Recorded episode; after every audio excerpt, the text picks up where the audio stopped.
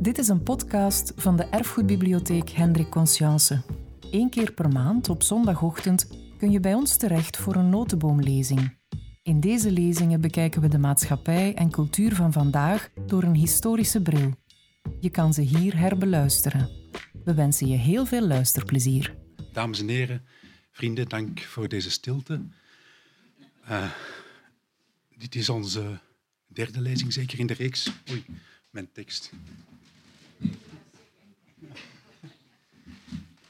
Er is hier niet meer heel veel plaats met die laptop. Uh, welkom dus op de derde lezing in de reeks over de heilige boeken. Vandaag over de graal, met niemand minder als spreker dan uh, Jozef Janssens. Ik ga zelfs iets meer vertellen over Jozef Janssens. Eerst iets over het onderwerp. Het onderwerp vandaag, de graal en zijn herkomst, is misschien een van mijn favoriete onderwerpen. En eigenlijk is dit tot bij u geraakt, tot in, in de Notteboomzaal, via een bizarre omweg, via Tel Ellespiegel en een aantal misverstanden, waarvoor nogmaals mijn excuses. Maar ik ben heel blij dat uh, Jozef Janssens vandaag onder ons is en dat deze lezing kan doorgaan over de graal. Uh, behalve een aantal heel recente films ga ik eigenlijk direct terug naar uh, de Parsifal van Richard Wagner, wat toch denk ik een beetje de voornaamste bron is van het, het Parsifal-verhaal of het Graalverhaal zoals we dat vandaag kennen. Uiteraard is dan Richard Wagner weer gebaseerd op Wolfram von Eschenbach, een, een Duits auteur uit de middeleeuwen. En Wolfram von Eschenbach is dan weer gebaseerd op Chrétien de Troyes. En waarom vertel ik u dit? Omdat Chrétien de Troyes eigenlijk heel dicht bij huis zit. En eigenlijk is de, het graalverhaal van Chrétien de Troyes geschreven voor toen, in de 12e eeuw, voor, laten we zeggen, een van de allerbelangrijkste vorsten van zijn tijd. En laten we zeggen, een beetje de Angela Merkel van, van die tijd. Uh, u weet het ondertussen waarschijnlijk al wie het is. Nee? Oké, dan, dan ga ik het verklappen. Philips van de Elzas, graaf van Vlaanderen. Um, die trouwens tragisch aan zijn eind is gekomen in, uh, in het Heilige Land, in, in Akko, bij het beleg voor Akko. En toch wel belangrijk is ook als graaf van Vlaanderen, dus het huis van de Elzas, maar ook omdat Um, en ik denk dat het historisch ook vaststaat dat hij eigenlijk het, het wapenschild, hè, dus met, met de Vlaamse leeuw, heeft, heeft geïntegreerd.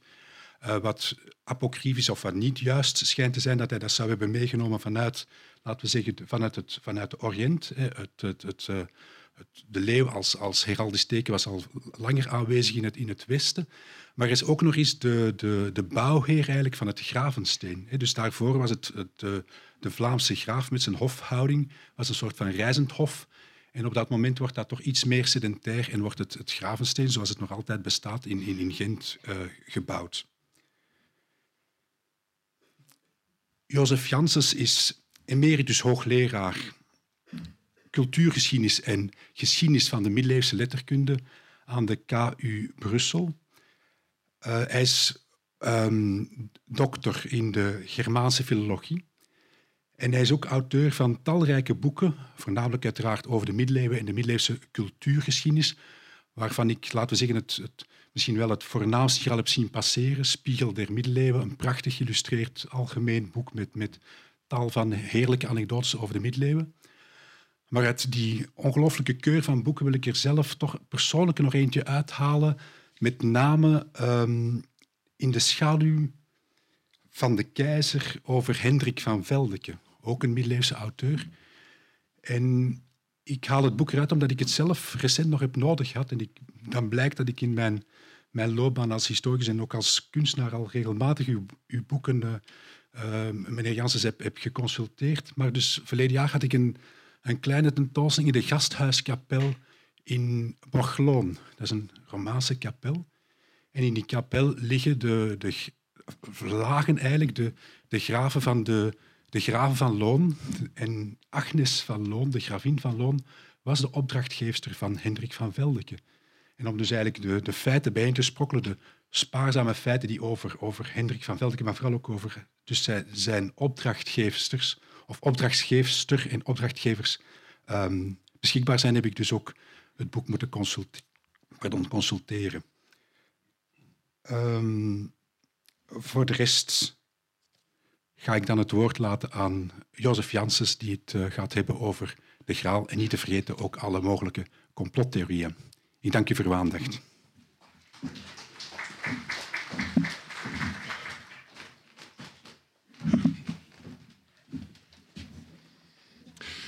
Ja, dames en heren, uh, allemaal hartelijk welkom. Misschien eh, vooraf eh, één afspraak. u hebt een handout gekregen, zo heet dat in het Nederlands tegenwoordig. en dat is om u te vergemakkelijken om mijn betoog te volgen. Maar uh, ik ben een vreselijk lesgever, dat ben ik altijd geweest, hè, ook met mijn studenten vroeger.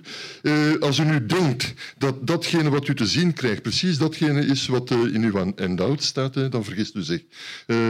ik heb daar nogal wat aan gesleuteld op het laatste moment. Dus als u denkt dat het hetzelfde is, dan is er iets verkeerd met uw concentratie. Dus het is een, bijzonder handig middel met studenten om hun graad van concentratie te testen. Dus dat doe ik dus ook maar bij u. Maar de grote lijnen staan natuurlijk wel in de endhout. goed. dit gezegd zijnde ga ik meteen denk, een uurtje spreken. ik kan eigenlijk stoppen wanneer ik wil. ik wil ook graag daarna naar jullie vragen luisteren, want ik heb al herhaaldelijk meegemaakt dat dit een zeer delicaat, zeer gevoelig thema is. Hoewel u dat misschien niet zou zeggen, maar goed, laten we maar van start gaan. Hier ziet u, misschien hebt u het gezien in, in de kranten, het begin van onze kosmos, dus het begin van ons, de geboorte van de kosmos en van de mens. Het is namelijk zo dat uh, een eh, telescoop uh, op de Zuidpool de zwaartekrachtgolven heeft waargenomen die onmiddellijk na de oerknal moeten hebben tot stand gekomen zijn. En zo ziet er dat uit.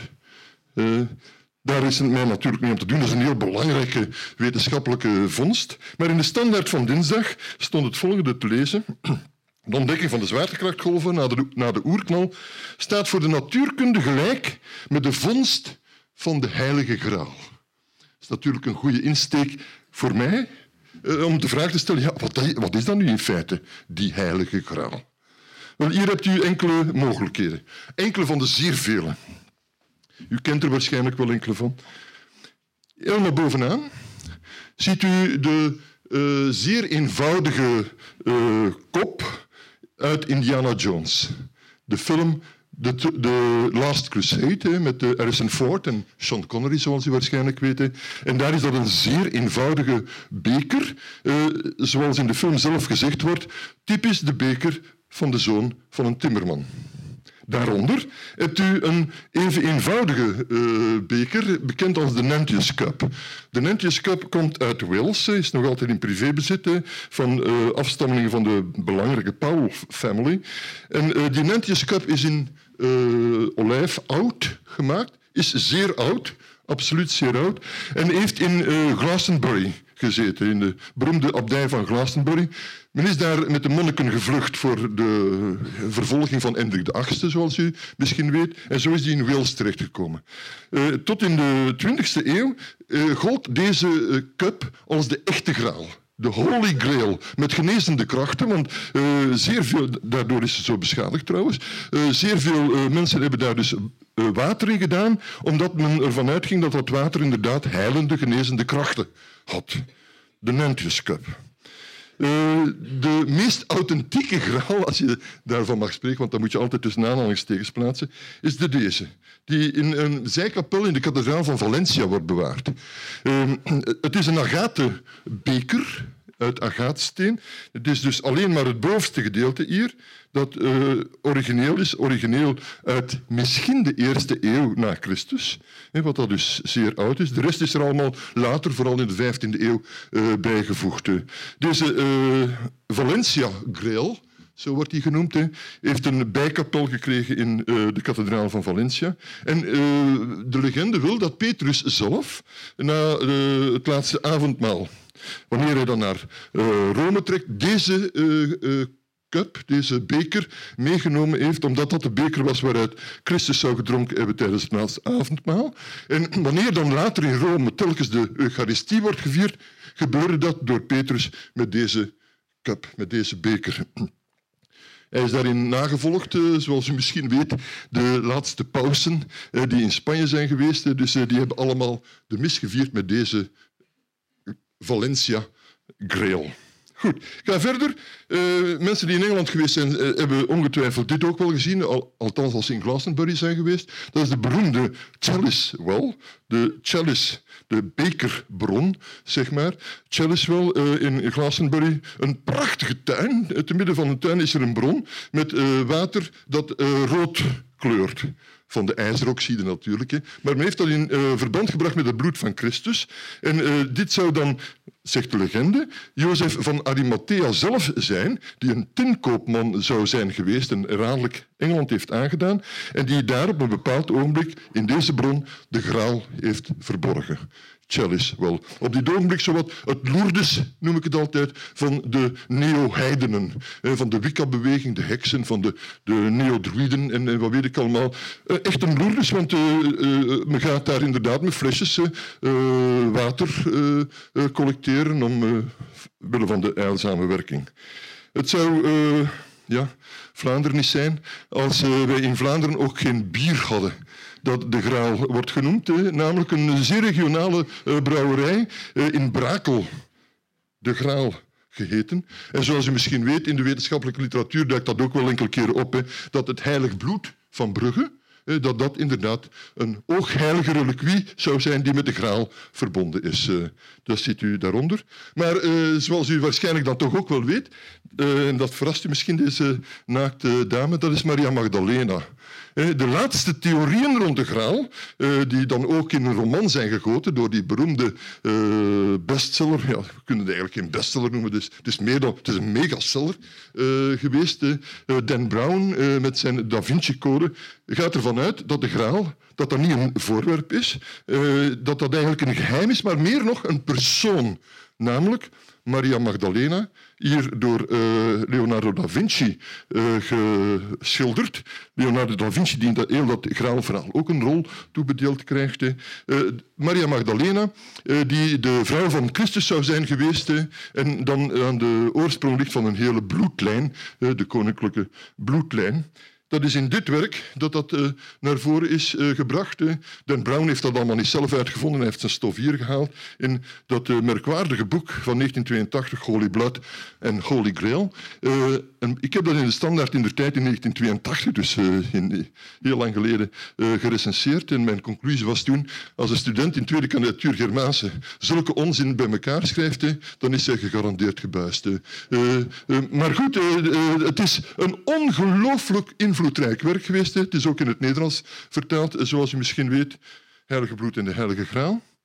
Nu is de vraag bij dit alles, ja, wat is daar nu van, van aan? Wat is nu eigenlijk die graal? Ik weet niet of ik een antwoord ga geven. Ik ga wel de vraag stellen. Dus, uh,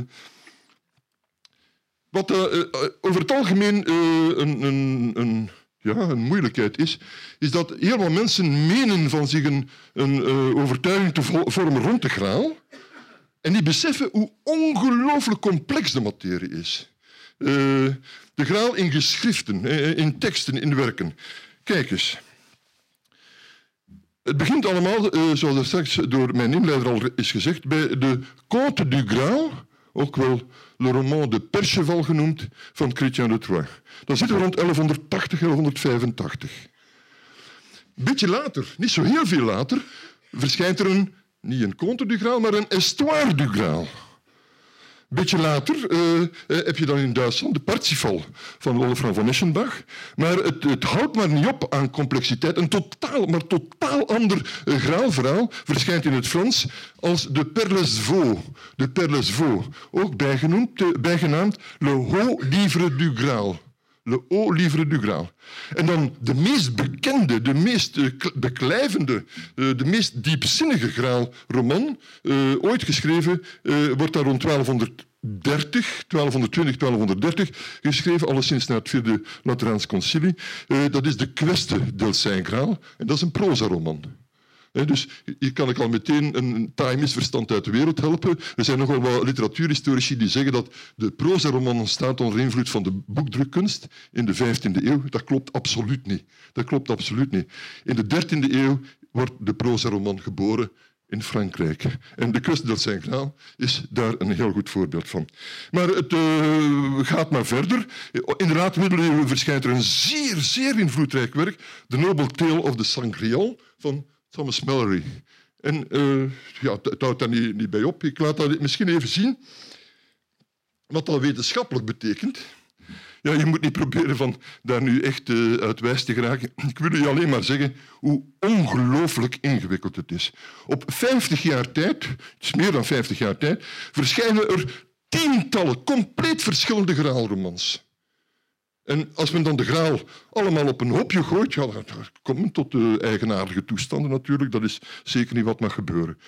Maar goed, wat is eh, de oorsprong van de graal? Wel, de oorsprong van de graal, daar bestaan in wetenschappelijke kringen twee grote theorieën over. Er zijn er meer en er zijn tussenvormen en wat weet ik allemaal, maar twee grote theorieën.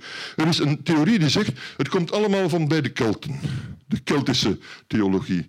Dat is vooral door een zeer grote cultuurhistoricus en literatuurhistoricus uit Amerika naar voren gebracht, Roger Sherman Loomis. Er is een tweede theorie die uh, iets recenter is, maar die vooral in Italië op uh, een aantal filologen uh, mag een beroep doen. Dat is de zogenaamde oud-christelijke theorie. Waarover gaat het? Ik ga het schematisch even uit de doeken doen. Die Keltische the theorieën wijzen erop dat in zeer veel van die graalromans dat daar allusies zijn op vruchtbaarheidsmythen. Vruchtbaarheidsmythen zoals er zijn. Er is een een hoofdpersonage de, in de Graalburgt. Dat is de gewonde visserskoning. Waar is die gewond? Wel, die is gewond in zijn geslachtsorgaan. Dus vruchtbaarheid. Uh, tot als gevolg, uh, dus tussen zijn benen wordt heel eufemistisch gezegd in de, de Conte du Graal van Chrétien de Troyes. als gevolg daarvan is er in de omgeving van die Graalburgt, het land daar rond, een ongelooflijke dorre vlakte.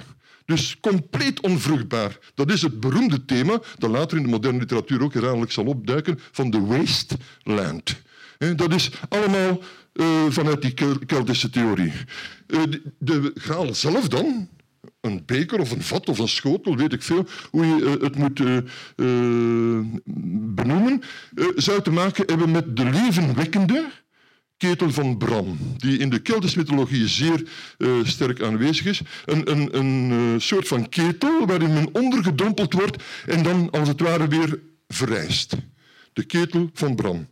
Het staat evenzeer, die ketel van Bram, in verband met uh, de oren des overvloeds. dat, dat motief speelt ook heel sterk mee. En het is heel merkwaardig dat onmiddellijk na Chrétien de Troyes alle graalverhalen eigenlijk gepaard gaan met het motief van tafeltje dekje.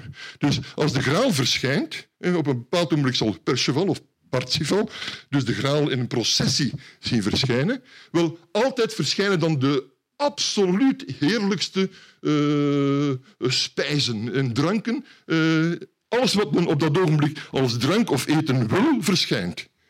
Tafeltje, dekje. Dus dat motief van overvloed en vruchtbaarheid uh, speelt zeker mee. En wat dat heel sterk uh, uh, ook een argument voor deze theorie is, de Keltische theorie dus, is dat in heel veel van deze graalverhalen en ook Arthur-verhalen in een breder context, dat dat te maken heeft met koppensnellerij. Er worden nogal wat hoofden afgehouden in Arthur-verhalen en in graalverhalen. En er worden nogal wat hoofden bloederig meegevoerd. En dat is algemeen geweten dat inderdaad uh, de Kelten koppensnellers waren. Uh, om u dat duidelijk te maken, dat ziet u misschien niet zo heel goed. Hier hebt u een, scène uit de Quest del Saint-Graal. En hier is Lancelot, een van de grote ridders van de tafelronde, die in een uh, borrelende, warme, gloedhete fontein een hoofd boven haalt. Een afgehouwen hoofd. U ziet dat hoofd is een gekroond hoofd bovendien. Uh, dat ziet u daar. Er is een tweede theorie, en dat is de oud-christelijke theorie, waar uh, men voortdurend uh, allerlei associaties maakt met het lijden van Christus. Niet alleen met het lijden van Christus, maar met de onmiddellijke entourage van Christus en met de vroeg-christelijke kerk. Nogal sterk geaxeerd op de figuur van Jozef van Arimathea. Uh, daar verschijnt ook een hoofd. Uh, in die christelijke theorie uh, komen ook wat hoofden, zelfs afgehouden hoofden, naar voren. Maar dat zijn dan martelaars, hè, zoals Johannes de Doper en, en Saint-Denis, die ook zijn hoofd verloren is, zoals u waarschijnlijk weet. Maar het hoofd dat hier vooral opduikt, is een hoofd op een doek. En in heel van deze graalverhalen komen afbeeldingen voor, afbeeldingen van Christus, van de leidende Christus, op een doek.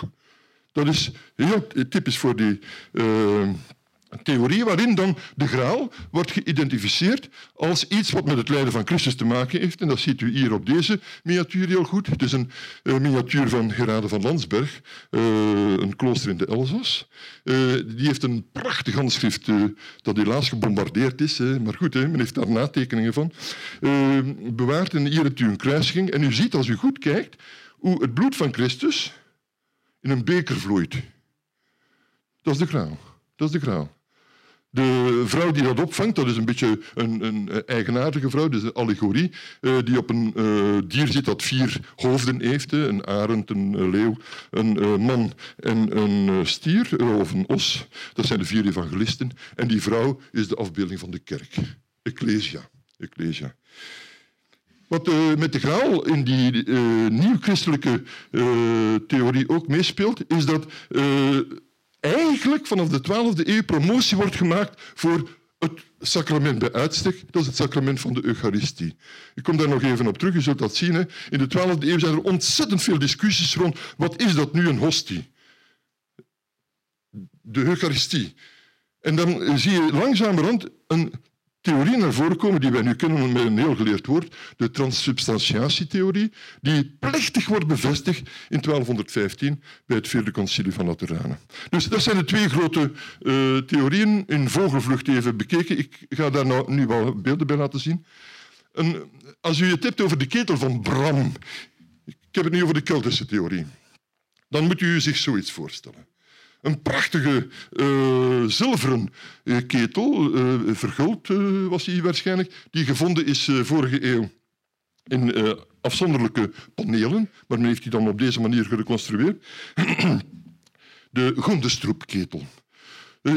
om de Keltische mythologie te kennen is een zeer belangrijke bron, maar ik ga daar nu niet langer bij blijven stilstaan. Het is vooral dit paneel dat mij interesseert. Hier, dit hier. Laat het nu even zien. En daar komt een godheid voor, veel groter voorgesteld, zoals u weet, met een ketel. En daar wordt een krijger die dood is in ondergedompeld. En hij zal eruit verrijzen. Dus uh, een levenwekkende ketel, de ketel van Bram. En dan gaan ze, uh, ziet u hier, als krijgers uh, strijd voeren.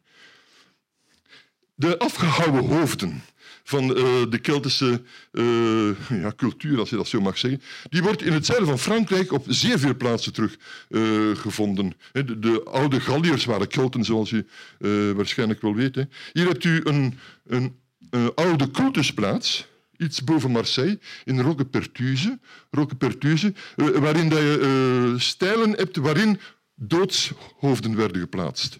Dus afgehouwen hoofden werden daarin geplaatst. En uh, hier hebt u een Gallische vorst uit de tijd van uh, Caesar. Uh, alles wat we weten, weten we uit de De Bello Gallico van Caesar.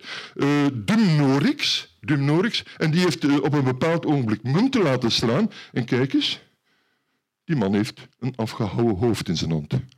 En dit is misschien nog het uh, meest sprekende. Uh, ook weer in het zuiden van Frankrijk, in de buurt van Aix, waar het zich op dit ogenblik bevindt. Uh, een afgehouwen hoofd. Dat komt uit een oppidum uit de derde eeuw voor Christus. Het, het, hoofd van Entremont noemt men het. En uh, het is uh, een deel van een bas-relief dat veel groter was, waarbij een krijger gehurkt zit met voor zich een hele reeks afgehouwen hoofden en op een van die hoofden met zijn hand rust. hier ziet u dat toch wel bijzonder goed. Als u nu naar Arthur-literatuur gaat kijken, en dat is mijn specialiteit wel, dan verrast het hoe vaak hoe vaak afgehouwen hoofden daarin voorkomen. Een van onze mooiste Arthuromans in het Nederlands is de roman van Verguut. Die wordt op dit ogenblik geïllustreerd, eh, dus daarvan heb ik de illustratie hier, of een schets, een voorschets eh, van de illustratie. Hier ziet u de jonge knaap Verguut die naar het hof van koning Arthur rijdt. Hij ontmoet twee bandieten onderweg, geen, geen nood. Binnen de kortste keer heeft hij die een kopje kleiner gemaakt. En hij hangt die bloedende hoofden aan zijn zadel. Dat ziet u hier. Uh, de tekst, als u mij niet gelooft, in het Middel-Nederlands luidt als volgt. I sloeg hem af die hoofden beide en de hinkse aan zien gerijden. Gerijden betekent zadel. Het meest bekende voorbeeld uh, kent u wellicht, want dat is een groot meesterwerk uit de Engelse literatuur. Sir Gawain en The Green Knight, uh, uit de late middeleeuwen, ongeveer 1380. Het is een allitererend vers-epos. En dat begint op deze manier. Een groene ridder komt aan het hof van koning Arthur aan en hij als uitdaging aan het Hof van Koning Arthur heeft hij... Is er iemand zo moedig... Het is een reus, hè? Is er iemand zo moedig om mij het hoofd af te slaan? Niemand durft natuurlijk. Hè. Dus, uh, uh, tot wanneer dan de, de ridder bij uitstek, de hoofdridder bij uitstek, de neef van koning Arthur, Walewijn, of in het Engels Gawain, in het Frans Gauvin. Uh, tot wanneer deze ridder zegt, ja, ik zal het wel doen. Hij slaat het hoofd van uh, de reus af en de reus die gaat gewoon, stijgt op zijn paard en met zijn hoofd in zijn hand rijdt hij weg. Het begin van Sir Gawain en de Green Knight. Dat is, dat is wat u hier ziet. Je ziet u die groene reus en hier is in een stripverhaal toch wel heel duidelijk afgebeeld, met hier het hoofd, het afgehouden hoofd. Uh, een van de graalromans die zeer mysterieus zijn, uh, is het Welshje verhaal, of, of in het Kimmeris uh, geschreven, tegenwoordig zegt men Welsh. een prozaroman die men aanduidt als de Peredur, verwijzend naar Perceval, hè. En wat dat heel merkwaardig is, is dat het verhaal van Chrétien de Troyes daar nogal in, nogal, in gevolgd wordt, maar dat er daar een graalprocessie voorkomt zonder graal. Het is een processie maar er verschijnt geen graal. Wat verschijnt er dan wel in plaats van de graal? Dat is nu letterlijk vertaald uit het, Kimmeris, uit het Welsh. Tijdens het eten verschijnt een processie in de hal, grote hal. Twee jongens dragen een grote lans, waarvan drie stroompjes bloed langs de schacht naar beneden lopen.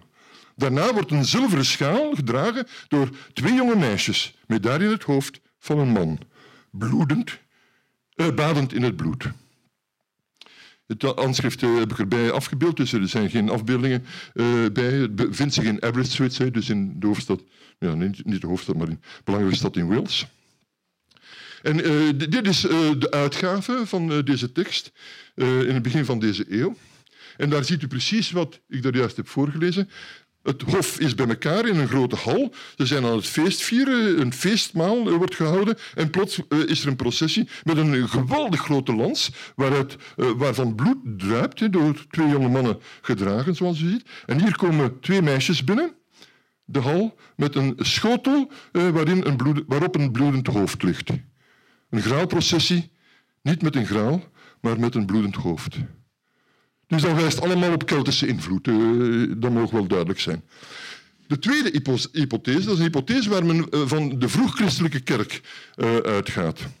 En die heeft alles te maken met deze ehm, legende. Het is een derde eeuwse legende waar u misschien nog niet zo meteen van gehoord hebt, maar wat in de orthodoxe kerk zeer, zeer levendig is. Het is de legende van Abgar. Abgar. Abgar is een vorst uit Syrië ten tijde van Christus en die leidt aan melaatsheid. En uh, om van zijn melaatsheid te genezen heeft hij gehoord dat er in uh, Palestina een wonderdoener is uh, waar hij een brief naar schrijft. Die brief zou bewaard zijn, maar dat is een apocryfe brief natuurlijk, die zou bewaard zijn in Byzantium en daar gekoesterd worden. Maar goed, die brief zegt, luister, ik ben ervan overtuigd dat jij goddelijk zijt tegen Christus, dus een brief van Christus geschreven, maar kun je mij genezen? Kun je niet naar mij komen om mij te genezen? Want ik geloof absoluut dat je dat kunt. Christus heeft geen tijd. Hij is aan het uh, wonderdoen in Palestina, aan het prekenen. Maar hij zorgt toch voor uh, iets. Hij neemt namelijk een soort van handdoek, uh, wrijft die over zijn gelaat en zijn beeldenis verschijnt daarin. Die beeldenis wordt door een leerling later naar Abgar gebracht en die zal daar op die manier genezen. Dat is het doek van Abgar, de Abgar-legende. Hier ziet u dus uh, hoe die leerling bij de koning komt en het, het, doek met de beeldenis van Christus hier uh, wordt uh, meegedragen. Dat doek is bijzonder beroemd in de kunstgeschiedenis. Men noemt dat het doek van Edessa. Of met de Griekse term, handdoek betekent mandillion in het Griekse, het mandillion van Edessa. Dat is een hoofd. Een hoofd uh, en dat hoofd uh, blijkt uh, in de Graal-verhalen ook een zeer grote rol te spelen. Wat is dan nu precies? ik ga daar niet heel diep op ingaan, want het is een heel delicate kwestie. Maar men moet ervan uitgaan dat wanneer er een legende bestaat in de derde eeuw, de Abgar-legende, dat daar iets aan beantwoordt in de werkelijkheid. Dat is namelijk altijd zo. Een legende geeft altijd een verklaring, daarom niet een echt historische verklaring, maar een verklaring voor iets wat men ziet. Dat is hier ook het geval geweest. Er moet dus een doek hebben gecirculeerd met een afbeelding van Christus, eh, die, dat men in de zesde eeuw heel duidelijk, daar heeft men dan wel bewijzen van, in Edessa terugvindt. Edessa uh, dat is, uh, was toen Syrië, maar nu aan de zuidkant van Turkije. In de zesde eeuw hebben we namelijk een tekst waarin dat doek beschreven wordt. Het, is gevonden in de stadsmuren van Edessa. Het is een lang doek, groot doek, maar opgevouwen. En het is zodanig opgevouwen dat je alleen het gezicht ziet. Dat doek wordt in deze getuigenis uh, genoemd. Nu, zindon, ik weet niet of u dat, dat, beseft, dat is de term die gebruikt wordt voor lijkwaden in de evangelies. De, vooral in het evangelie van Johannes. Uh, dus uh, zindon, en daar is een hele wetenschap uit voortgekomen, zoals u misschien weet, dan noemt men de syndonologie. Uh, dat gaat over de lijkwaden van Turijn, waar ik meteen toe kom. Goed, ik ga er allemaal niet heel diep op in. een reliquie in Edessa, daar mogen we eigenlijk van uitgaan dat dat bestaan heeft. In 944, en dat weten we met zekerheid, want daar hebben we veel getuigenissen van, wordt deze reliquie vanuit Edessa op dat ogenblik Byzantijnse Rijk. Omdat men schrik heeft dat het in handen zal vallen van de uh, Arabische veroveraars, van de Turken op dat ogenblik, uh, gaat men die reliquie naar Constantinopel brengen. Dus het Istanbul. Zeer veel getuigenissen zijn daarvan. Onder meer een getuigenis, dat is uh, en heel waardevol. Dat zegt, ik heb het doek gezien uh, met het hoofd, uh, de afbeelding van het hoofd, maar het is zeer vaag. Je kunt het bijna niet zien. Hè. Uh, en bovendien is het niet alleen een hoofd dat je ziet, maar een heel lichaam. En er is duidelijk een wonde in de zijde te zien. 944. En goed, hè, er zijn nog meer getuigenissen van, ook Westerlingen die het gezien hebben. En dan met die enorme ramp die gebeurt in 1204. Ik weet niet of u dat beseft, dat is een van de grootste ja, misdaden van, van, van de westerse christenheid, uh, zou je het bijna kunnen noemen. Uh, de stad, de christelijke stad, Oosters-christelijke stad wel, uh, Constantinopel, Byzantium, wordt vernietigd door de kruistochtridders, met als aan het hoofd de graaf van Enegouwen Vlaanderen, Vlaamse graaf, Boudewijn IX. Uh, we hebben daar nogal wat getuigenissen van, en van Griekse kant en van Westerse kant. We hebben onder meer een zeer gedetailleerd getuigenis van een van de bevelhebbers uh, van uh, de kruistochtridders.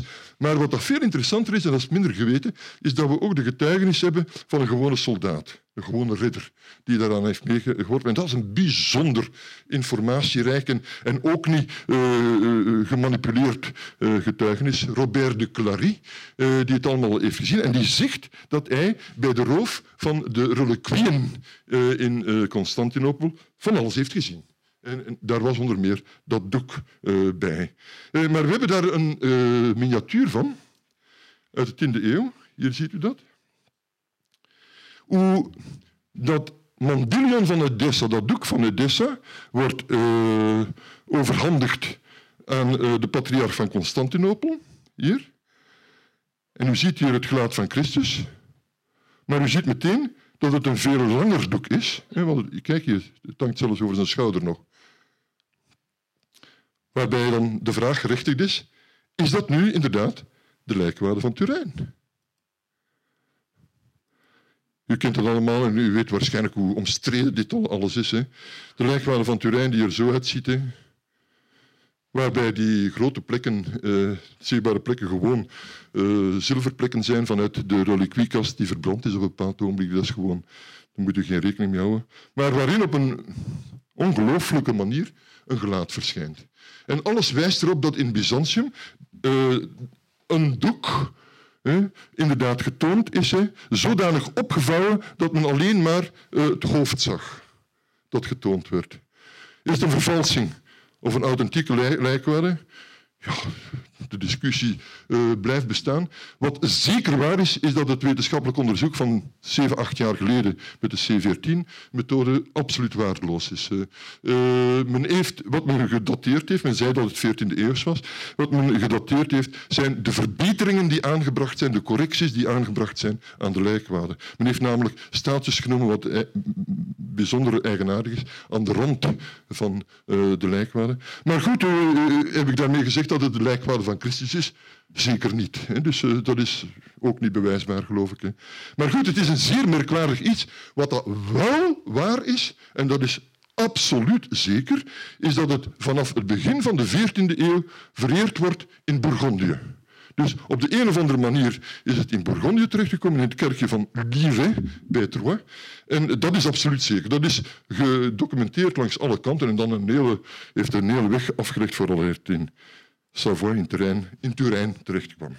In de Graalverhalen speelt dat een grote rol. Hier ziet u zo'n miniatuur uit de Estoire du Graal. Dat is een uh, tweede Graalroman van Robert de Boron. Uh, en daar heeft men een westerse variant, dat is heel merkwaardig, van de legende uh, gebruikt. Vanaf de 11e eeuw en dat is niet toevallig vanaf de 11e eeuw, maar daar ga ik ook niet nader op in, uh, gaat er een legende verschijnen in het Westen die wil concurreren met de Abgar-legende in het Oosten. En men gaat ook een doek naar voren schuiven. Alleen is dat het doek van een, een, een fictief personage uh, dat uit de apocryfe evangelies komt, namelijk Veronica. Veronica, wat gewoon betekent Vera Icon. Dus ware afbeelding. Hè. Dus, dus geen persoonsnaam. Veronica komt ook in geen enkel evangelie voor, uh, zoals u misschien uh, weet. Het is een apocryf, uh, apocryfe figuur. Maar dat wordt hier in de Estuaire du Graal gebruikt op de volgende manier. Veronica, die dus langs de kruisweg zou hebben gestaan en een doek heeft aangeboden aan de leidende Christus waarop zijn afbeelding verschijnt, die zal dat doek gebruiken om keizer Vespasianus die aan lepra leidt, ook weer melaatsheid eh, leidt, om die te genezen. En dat lukt. Dat is wat hier wordt voorgesteld. Eh, dus het is eigenlijk een beetje een westerse concurrent van die Oosterse Abgar-legende. Maar u ziet dat dus, uh, die neo-christelijke, of ja, nee, oud-christelijke theorie ook heel wat argumenten heeft pro. En zeker in verband met de uh, discussies rond Eucharistie. Hier ziet u een uh, voorbeeld van een miniatuur van de graalmis. De graalmis. Uh, daar heeft men met, met z'n twaalfen, niet toevallig met z'n twaalfen natuurlijk, zit men rond de graaltafel, met, voorgezeten door Jozef van Arimathea, hier. En er zit de graal, die in het midden staat, en daaruit verschijnt een kind. Dus eerst is het een ostie, hè, maar dan verschijnt daar die ostie als kind. En meer en meer neemt dat kind de gedaante aan van de leidende Christus.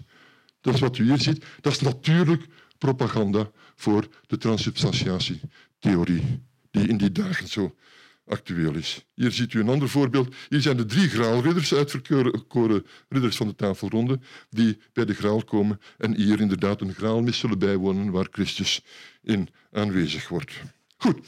Uh, ik hoop dat u uh, nu iets weet van de, de, oorsprong, maar we gaan naar de teksten zelf. Er zijn heel wat uh, onzekerheden rond de graal, schaarse zekerheden. Wat je als schaarse zekerheid zeker kunt volhouden is dit.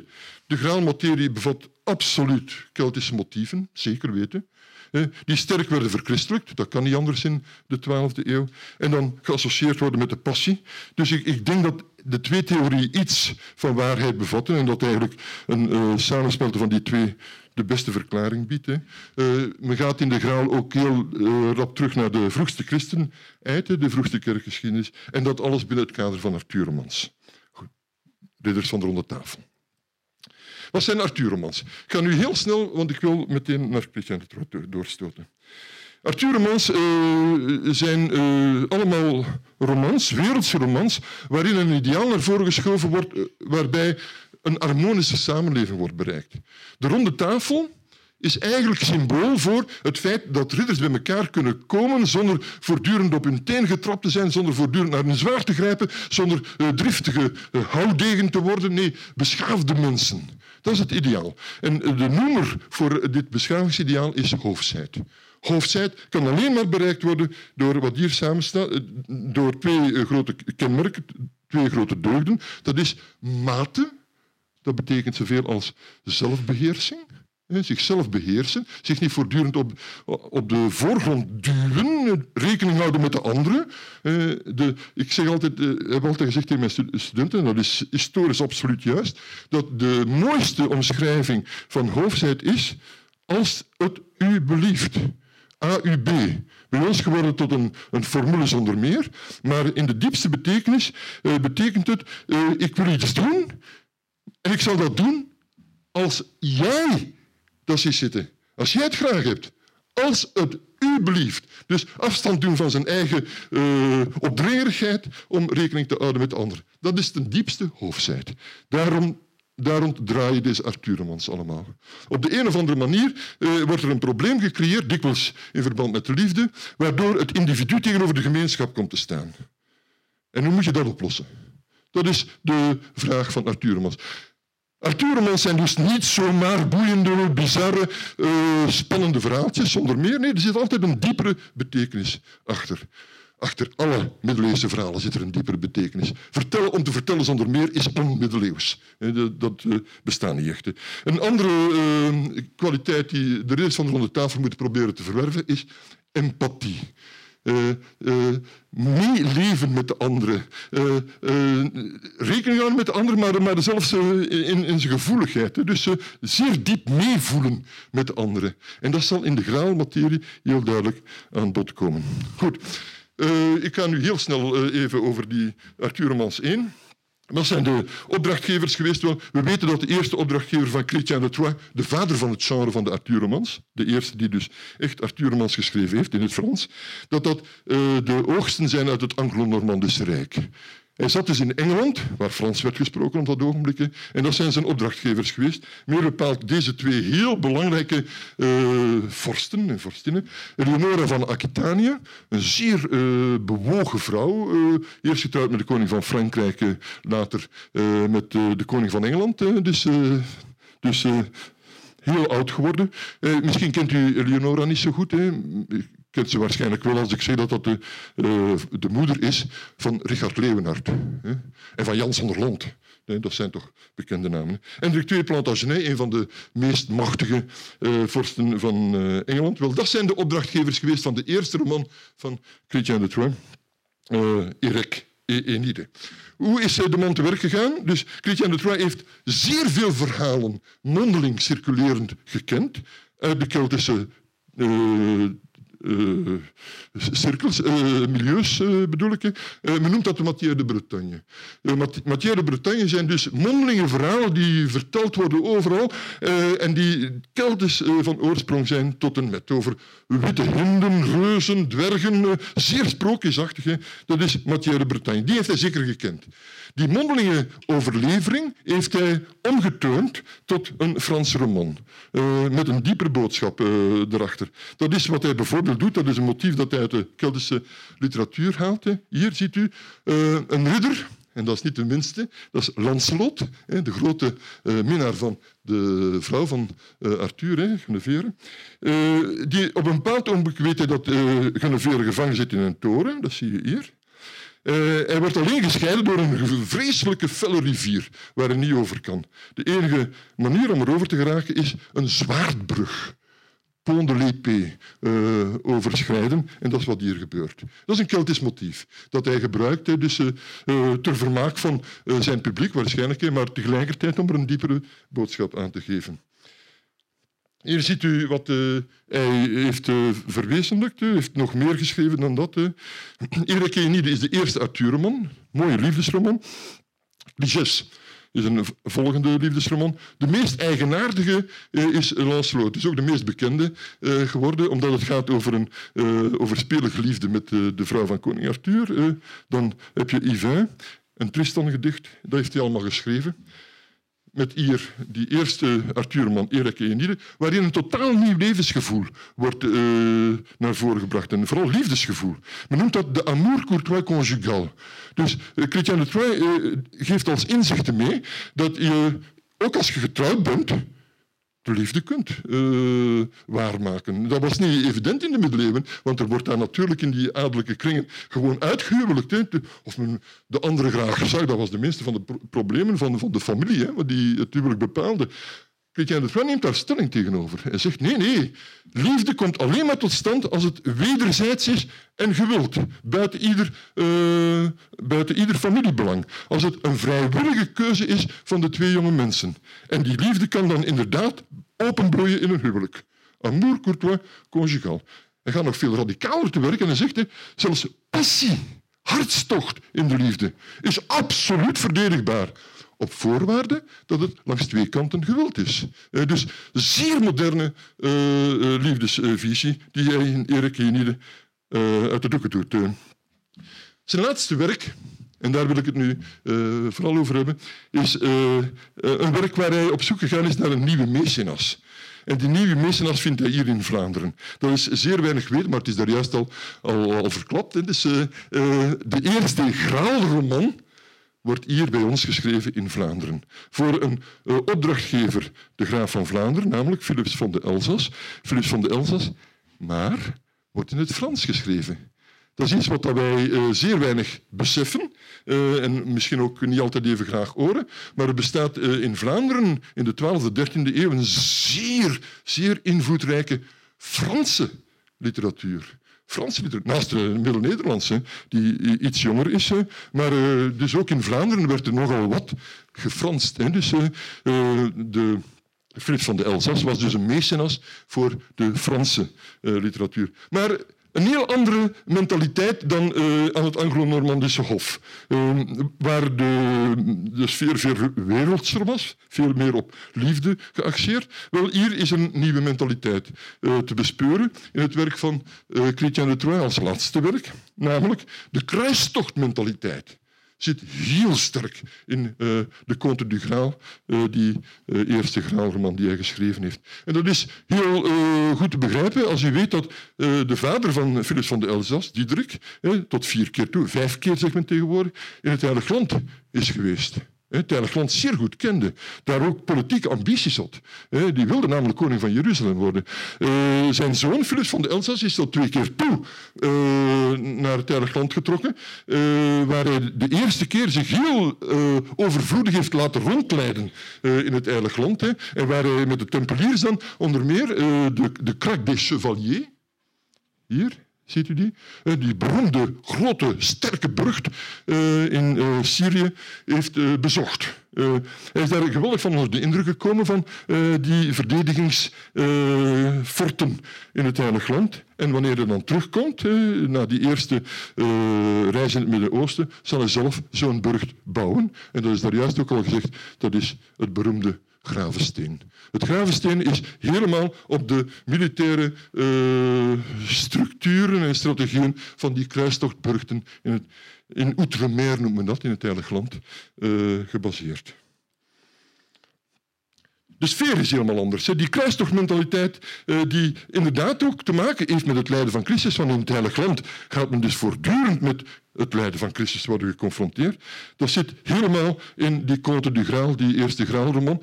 Waarbij, en dat is uh, de belangrijkste uh, dimensie van dat verhaal, waarbij het hoofdse ideaal nagestreefd wordt, maar zal worden gerelativeerd.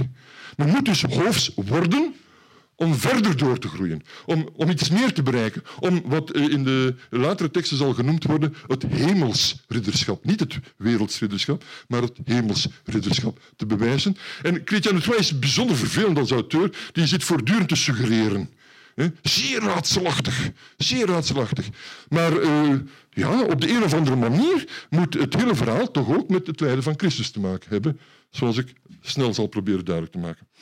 Wat al heel eigenaardig is voor een Arthur-roman, en we zijn nu bezig met de Comte du Graal, dus er is een tweede, bestaat een tweede naam van. In een, van de handschriften staat er Roman de Percheval. Dus dat is hetzelfde. Dus, uh, in de Comte du Graal uh, begint het hele verhaal bij een jonge man die geen naam krijgt. Het zal uh, eh, 1500 versen duren voordat hij een naam krijgt.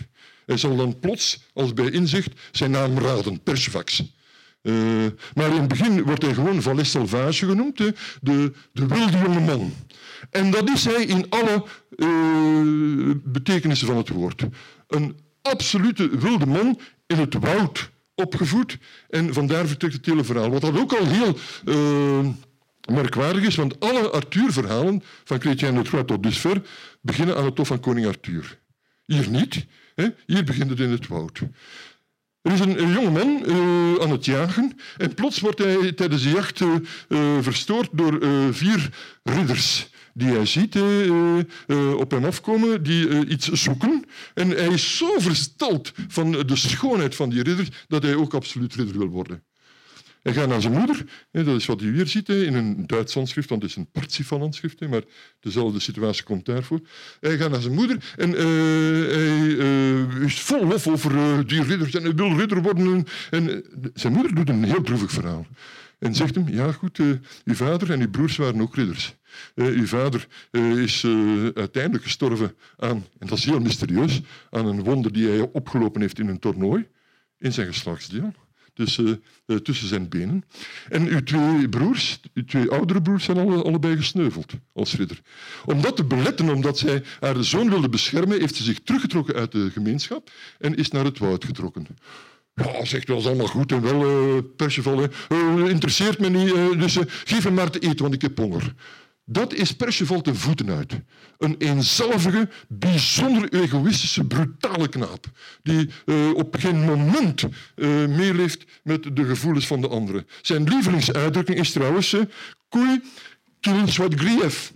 Of men, ik ga iets doen, of men dat nu vervelend vindt of niet. Ik trek me dan niet aan. Je mag doen wat je wilt. Dat is natuurlijk het absolute tegendeel van het hoofdsideaal.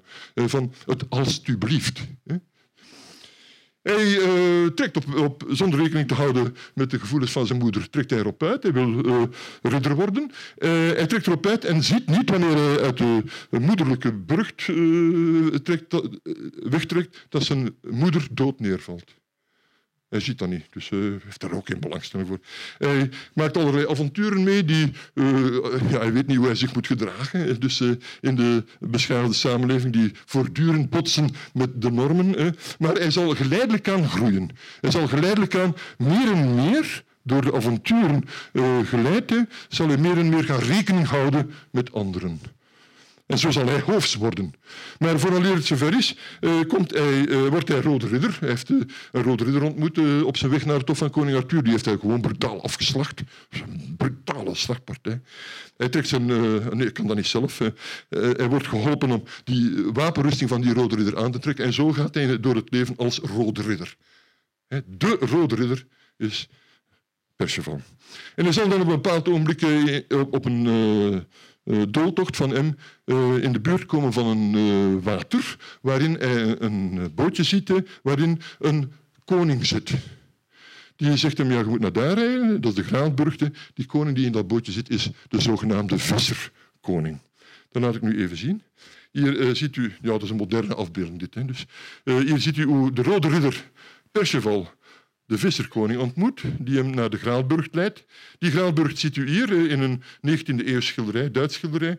Uh, het is een burg die alleen maar door uitverkorenen kan bereikt worden. Dus een gewone ridder kan daar niet, niet bij komen. En het is dankzij de aanwijzingen van de uh, visserkoning dat hij inderdaad op de Graalburg zal verschijnen. En daar doet zich dan die beroemde graalprocessie voor. Een knaap komt met een witte lans ja, de miniaturist heeft een beetje zijn eh, fantasie gebruikt. Het is een vroeg uh, 14e eeuw handschrift. Hier ziet u die lans, een knaap met de lans, die hij in het midden vasthoudt, dat klopt. En van de punt, dat zie je helemaal niet natuurlijk, druppelt bloed. Een bloeddruppelende lans. Knechten komen met gouden kandelaars en dan komt er een heel mooie jonkvrouw die in het wit gekleed is, dat is hier ook niet helemaal duidelijk. Hè. En die droeg in haar handen, en zo wordt dat door Chrétien de Troyes nu genoemd, een graal. Een graal. Van goud wel.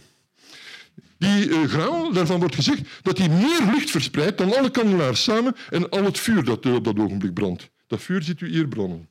branden. Dan is er nog een jonkvrouw, dat ziet u hier niet, die met een zilveren voorsnijschotel komt. Het heeft dus iets met maaltijden te maken, dus een voorsnijschotel. Eh, maar het is niet het motief van tafeltje dekje. Want, eh, wat een probleem is, is het volgende. Ja, Perceval die zit daar te staren. Hij zit naast de visserkoning, die dus zwaar gewond is, tussen, dat heb ik nog niet gezegd, tussen zijn uh, dijen, dus uh, ook in zijn geslachtsdeel gewond is. die kan dus niet, niet, niet stappen, die ligt in een bed, wat dat hier in de miniatuur niet tot uiting komt. Ehm, maar die visserkoning die zegt niks. Hè, en Perceval zit maar verbazend te staren naar wat er daar gebeurt. Hij begrijpt er niks van. En hij vraagt ook niks. Hij vraagt ook niks. Uh, waarom vraagt hij niks? Omdat hij in een vroeger stadium van zijn ontwikkeling geleerd heeft dat ja, je moet toch niet op de voorgrond dringen door voortdurend vragen te stellen. Je moet je bescheiden opstellen. Maar hij begrijpt die maatregel eigenlijk niet goed, hè. Uh, of, of die, die richtlijn niet goed. Want hier had hij een vraag moeten stellen die uitgaat naar medelijden. Medelijden, meevoelen met de visserskoning. Dat heeft hij niet door, dat dat belangrijker is dan zich bescheiden opstellen. Dus hij denkt dat hij de juiste hoofdse regels hanteert, maar heeft absoluut geen uh, inzicht in wat empathie, meevoelen, medelijden uh, is. En dat zal hem uh, duur te staan komen, want hij vraagt dus niks. Hij had iets moeten vragen, want dat had de betovering van de Graalburg, de vervloeking van de Graalburg, kunnen ongedaan maken, maar dat gebeurt dus niet. En de volgende dag uh, uh, ziet hij dat iedereen verdwenen is uit de burcht. En dat hij dus uh, gewoon naar buiten moet rijden. Meteen wordt de ophaalbrug opgehaald en hij staat daar weer buiten. Dus later zal blijken dat hij fantastisch, fundamenteel gefaald heeft. Gefaald heeft. Hier ziet u, wil ik nog even wat blijven bij stilstaan. Wat is die graal? Die hier voor het eerst verschijnt in de literatuurgeschiedenis. Eh, de miniaturist uit de 14e eeuw heeft eh, die graal meteen eh, voorgesteld als een christelijk liturgisch voorwerp. Wat bij Chrétien Le absoluut niet het geval is. Het is dus de fantasie van de miniaturist, van de schilder, die hier in het gedrang is. En die heeft er gewoon een cibori van gemaakt, waar een hostie in wordt bewaard. Bij Chrétien Le is dat niet zo. In de tekst staat dat het uilgraal is. Dat is gewoon een soortnaam, geen eigennaam. Het uh, voorwerp komt bovendien, en is voor de aristocratie in Vlaanderen bijzonder goed bekend, uh, een voorwerp dat uit de culinaire sfeer komt. Een, dus keukengrief is eigenlijk. Het is een grote, uitgediepte uh, schotel, eventueel voor feesten en alleen maar gebruikt bij rijken.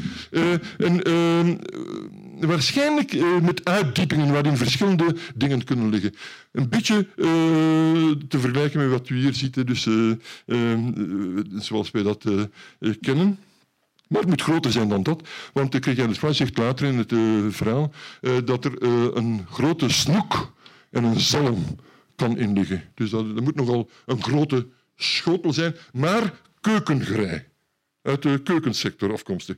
Dat dat zo is, weten we bijvoorbeeld heel duidelijk uit uh, inventarissen van woningen uit de 12e eeuw en testamenten waarin over een graal wordt gesproken in aristocratische middens. En hier hebt u van 1170, ook in Vlaanderen, bekende roman d'Alexandre, een Alexanderroman, en daar staat Er soir mangé au toit à ton graal. Gisteravond had ik met u, uit, uit moet het eigenlijk zijn, uw graal dus uh, niks heiligs, niks reliquie, gewoon uh, keukenmeubilair. Goed, uh, het verhaal gaat verder. het is de eerste graalroman, dus ik moet daar toch wel ietsje meer over zeggen. De doordrammer, de brutale vlegel, de valais salvage, zoals hij genoemd wordt, de wilde man dus, die evolueert geleidelijk aan naar een hoofdschudder.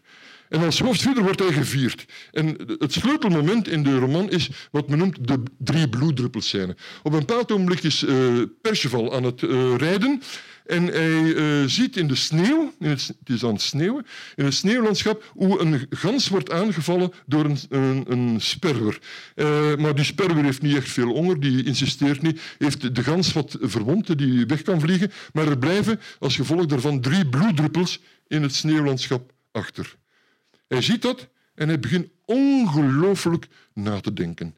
In over pijnzingen uh, gewikkeld. Hij staart hij extatisch naar die uh, tegenstelling van rood bloeddruppels in het witte sneeuwlandschap. Uh, en hij moet daarbij onver, onvermijdelijk denken aan zijn geliefde Blanche Fleur, uh, waar hij dus een relatie mee had gehad, maar die hij in de steek heeft gelaten. Uh, en uh, dat alles loopt door zijn hoofd. Wel, dit is voor een middeleeuws publiek heel herkenbaar. het gebeurt ook allemaal in het woud nog. dit is het moment van inzicht. In het woud gebeurt dat. van nadenken. Hier wordt hij hoofdridder. het is niet langer de man die meteen op de gegevens afstormt, die als een primitieve uh, houdegen uh, de, de, dingen meteen bij de horens pakt. Nee, hier staat hij te pijnzen. Een heel belangrijk motief in Arthur-romans, pijnzen, het nadenken over de dingen. En dat gebeurt, overkomt hem hier. Hij wordt dan door Walewijn, Gauvin, de neef van koning Arthur, in de Arthur-gemeenschap opgenomen. Uh, op een zeer hoofdse manier trouwens, uh, waar ik hier niet verder op inga. En hij wordt dan aan het hof van koning Arthur, die in de buurt met een tentenkamp aanwezig zijn, wordt hij als een gevierd hoofdridder verwelkomd. Ja, wordt dus inderdaad gevierd, een groot feestje. Maar in één keer verschijnt er een lelijke jonkvrouw in hun midden. La demoiselle Hideuze. Uh, ongelooflijk lelijk, want ze wordt uitvoerig beschreven. Uh, en waar iedereen denkt, ja, dat is nu de man, Perceval, hè, dat is de hoofdridder bij uitstek, wordt hij vervloekt wordt hij vervloekt. Hij, wordt hem zeer diep verweten dat hij gefaald heeft in de Graalburg en dat uh, hij de vraag niet gesteld heeft die moest gesteld worden en dat als gevolg daarvan heel die, het land rond de Graalburg uh, verwoest is. wasteland, dus echt dor geworden is. dus, en ja, zonder uitkomst eigenlijk. Waarop Perceval bij zichzelf zegt, ik moet andere wegen gaan. Zeer symbolisch ik moet andere wegen gaan. Niet het lot van uh, de avonturenridder, van de Arthurridder is voor hem weggelegd. Hij moet andere dingen gaan doen. Trouwens, die demoiselle Ideuse, die lelijke jonkvrouw, die heeft voor alle ridders ook nog avonturen in petto. Een, een, een, jonkvrouw die in Montesclare uh, gevangen zit, die moet bevrijd worden. Dus allemaal avonturen. Uh, maar dat wil hij niet. Dat wil hij niet. hij moet andere wegen gaan. Wat die andere wegen zijn, wordt voor ons nog niet duidelijk. Want heel merkwaardig, maar Christian de is een meesterlijk verteller, hè, eh, verschuift de, het perspectief helemaal naar iemand anders. Namelijk naar Gouvin, Walewijn, de hoofdridder bij uitstek. Die gaan nu gedurende duizenden verse avonturen beleven, die allemaal van kwaad naar erger gaan. Dus uh, over Perceval voorlopig niks meer. Hier wordt trouwens een techniek eh, geboren uh, die men noemt de ineengestrengelde verhaaltechniek, uh, die van deze tijd is. Chrétien de Troyes is de eerste die dat doet. In het Frans heet dat de entrelacement. Dus waarbij verschillende personages gelijktijdig kunnen gevolgd worden. Twee personages gaan hier gevolgd worden, namelijk Perceval en Gauvin. Subtiel vertellen doet Chrétien de ridderlijke avonturen van Gauvin. Die worden zeer uitvoerig verteld. Uh, enkele dagen worden maar gevolgd bij Gauvin, maar dat is toch goed voor 1476 versen. Heel de Conte du Graal bestaat uit 9200 versen, dus uh, om u dat even uh, duidelijk te maken. Maar die avonturen van Gauvin zijn allemaal ofwel hele ofwel halve mislukkelingen. Dus het is uh, duidelijk uh, dat uh, Gauvin zijn reputatie de berg afgaat. Dus hij blijft de hoofdridder, maar hoofdzijd blijkt blijkbaar niet meer te pakken. Bij Perceval is het anders. Perceval wordt dan daarna nog even gevolgd, en dat is wat, een zeer beroemde scène, de scène bij de kluizenaar, de Goede Vrijdagscène.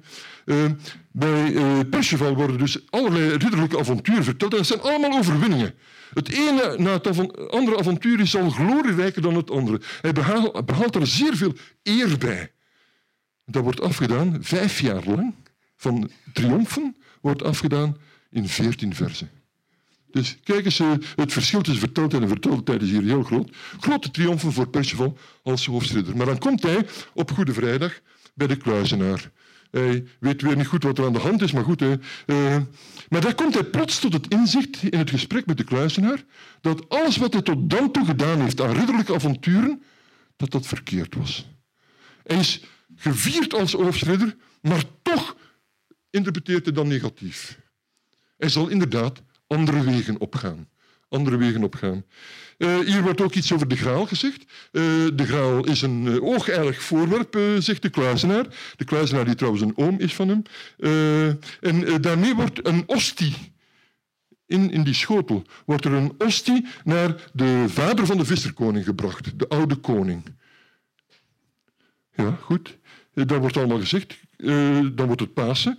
Uh, Perceval bekeert zich, hè, dus heeft een zeer diepe uh, ook, zeer diepe gesprekken met de kluizenaar. En plots schakelt Chrétien de Troyes weer op op de verhalen, de avonturen van Gauvin. Dus hij laat de verteldraad van Perceval weer even in de steek. En hij gaat verder met Gauvin. Het gaat alsmaar slechter met hem. Ja, en dan zouden we willen weten, ja, hoe loopt dat allemaal af? Hoe loopt het allemaal af? De man sterft Christian de Troyes dus, sterft vooraleer hij het verhaal heeft voltooid. Bij vers 9200 in de 30. Dat is natuurlijk vervelend, maar maakt meteen ook de intrigue uit van uh, het mysterie uh, van deze graal. Hier wordt uh, in deze uh, kluizenaarscène, de Goede Vrijdagscène, wordt alleen maar gezegd dat die graal, waarmee die ostie gebracht wordt, is tant sainte chose est li graals. Een zeer oogheilig voorwerp. Oogheilig voorwerp. Maar ja, we zouden dan graag willen weten wat er precies aan de hand is. Maar Chrétien is gestorven. Uh, een beetje later gaat uh, de opdrachtgever, Frus van de Elzas, zoals er straks ook al gezegd is, naar het Heilige Land. Uh, bij de, de, vierde de, de vijfde kruistocht. nee, dat is niet waar. De derde kruistocht. De, maakt niet veel uit, de derde kruistocht. Hij uh, sterft uh, bij de belegering in 1191 van uh, de stad Akko. en ook de opdrachtgever valt dus weg. Dat is natuurlijk een zeer vervelende situatie voor de dynastie in Vlaanderen. Ze zitten met een werk dat onvoltooid is. De opdrachtgever is ook weg. Wat gaat er gebeuren? Dat zullen we zelfs zien, maar ik moet snel verder. Goed. Um, dat is eigenlijk wat er aan de hand is bij Christian de. Voor zover we het allemaal doorhebben, moet ik erbij zeggen. want het feit dat we het hele werk niet hebben, maakt dat we hier en daar toch uh, wat moeten speculeren. Maar dat er een nieuw ridderideaal uh, in de maak is, uh, geïllustreerd aan de figuur van Percival, dat is wel duidelijk. Waarom zijn die twee uh, personages naast elkaar geschetst, Gauvin en Perceval? Om het contrast duidelijk te maken. Gauvin blijft heel de tijd de hoofdse ridder, de wereldse ridder bij uitstek, maar hij blijft aan zichzelf gelijk. Perceval daarentegen is iemand die vanuit een zeer onhoofs uh, statuut, brutale uh, kerel, evolueert tot hoofdse ridder bij de drie bloeddruppelscènes, maar op weg is naar nog iets anders. Wat later dan het geestelijk ridderschap zal worden genoemd, waarbij christelijke deemoed zal uh, de plaats innemen van de hoofdse mate. Hoofdse uh, uh, mate betekent dus zelfbeheersing, zich op de achtergrond schuiven, schuiven. Wel, men zal dat verchristelijken, dat ideaal. Christelijke deemoed, naastenliefde, dat soort van dingen is het ridderideaal dat met andere woorden, ridderideaal dat helemaal gevestigd is in de passie van Christus. Dat Christus als voorbeeld neemt. En vandaar dat het belangrijke inzicht dat we hier al in deze graalroman hebben gezien, dat dat precies op Goede Vrijdag tot stand komt. Niet toevallig natuurlijk. Vandaar ook dat eh, Chrétien de Troyes eigenlijk al suggereert, maar het niet met zoveel woorden zegt, dat die bloedende lans, dat dat de lans is van de honderdman Longinus die in de zijde van Christus heeft gestoken, zoals je waarschijnlijk wel weet. Goed, uh, ik kan nu heel snel verder. Enkele jaren na de Troyes die gestorven is dus, uh, en een werk onvoltooid heeft gelaten, krijgen we in Bourgondië een auteur die ook weer met de graal gaat bezig zijn. Maar die de graal in zijn verleden uh, situeert. Niet in de tijd van koning Arthur, maar in de tijd van de vroegchristelijke kerk. En daar krijgt u een verhaal van Jozef van Arimathea, die een honderdman is van uh, Pontius Pilatus, die ook een heel goede vriend is van Christus. Hij krijgt heel uitvoerig de Passie van Christus voorgesteld, met hier de kruisdood. Dat is een miniatuur uit de Estuaire du Graal. Uh, en je ziet hier Jozef van Arimathea. Ziet u? Die een beker, een schotel, onder de voeten van Christus houdt, waarin hij bij de kruisafname en voordien het bloed van Christus opvangt. dan wordt de uh, graal uh, in zijn dominante betekenis vanaf Robert de Boron. Het zal de beker zijn die Christus gebruikt heeft tijdens het laatste avondmaal, waaruit hij gedronken heeft, die dan door Pontius Pilatus aan uh, Jozef van Arimathea wordt geschonken en waarin die bij de kruisafname het bloed van Christus zal opvangen. Jozef van Arimathea, die zoals u weet zijn graf ter beschikking heeft gesteld uh, om Christus te begraven, die zal uh, een soort van vroeg-christelijke kerkgemeenschap stichten in Jeruzalem. Maar omdat de Joden en verdenken van het lichaam van Christus hebben weggenomen om de vrijzenis uh, te anseneren, uh, wordt hij in de gevangenis gegooid. Uh, wordt daar vergeten, zou moeten verhongeren, maar Christus verschijnt hem in de gevangenis, geeft hem de graal die hem mysterieus voedt. Dus hier heb je dus dat motief van tafeltje Dus uh, de mysterieuze voeding van Jozef van Arimathea in de gevangenis. En dan krijg je het verhaal van het doek van Veronica. keizer Vespasianus die, die Jeruzalem belegert. die zal gevuld worden door melaatsheid. En dan komt Veronica met haar doek. Uh, Vespasianus zal genezen, zal genezen en zal alles aan doen om Jozef van Arimathea te gaan zoeken. Uh, die vindt hij dan na vele jaren ongedeerd met de graal uh, in de gevangenis. En uh, dan krijg je het begin van de graalgemeenschap die voortdurend bij elkaar komt met in de aanwezigheid de graal. Uh, Jozef van Arimathea wordt de eerste bischop van Jeruzalem. En hij zal dan op een bepaald ogenblik, vooral met zijn zoon en nogal wat familie van hem, en met Marias, met Marias de Middellandse Zee oversteken om niet alleen naar Marseille, zoals de legende wil, of naar Sainte-Marie de la Mer, zoals de legende wil, maar naar Bretagne over te steken. En in Bretagne zal hij dan de graal brengen en een nieuwe verborgen graalgemeenschap stichten in wat Robert de Boron noemt Les Vals d'Avaron, de vallei van Avalon. Maar ja, wat is Avalon? Uh, zou het kunnen dat het het Bourgondische Avalon is in de buurt van Vizsel? Daar is, bestaat een theorie rond. Ja, dus, uh, ook hier dus nogal wat mysterie. Maar goed, alles wordt in christelijke sfeer uh, zeer sterk ge, ge situeert. En dan gebeurt iets vreselijks. Ik heb het daar juist al gezegd. Hè. In 1204 wordt uh, onder invloed van de dogen van Venetië uh, de vierde kruistocht omgebogen uh, om christelijke steden te gaan vernietigen. Eerst op de Krim, ja, dat is heel actueel. en dan daarna tot twee keer toe tot twee keer toe uh, wordt uh, Byzantium ingenomen. Dus uh, de tweede keer in maart 1204 op een vreselijke manier. Daar wordt onder, het kruisvaandel gemoord, vernietigd, gebrand, verkracht. en wat weet ik allemaal. Dus dat het niet schoon is. Hè. en wij hebben daar ooggetuigenverslagen van. Hier ziet u daar een miniatuur van. Uh, wij weten met zekerheid, dankzij Robert de Clary, die ik daar straks al even heb voorgesteld, dus die uh, ridder die een ooggetuigenverslag heeft nagelaten, dat het Bocolion-paleis grondig wordt geplunderd. En meer bepaald de uh, kapel van onze lieve vrouw van Faros. wat in de Byzantijnse tijd, voor de, de Byzantijnse keizers, gold als de Saint-Chapelle.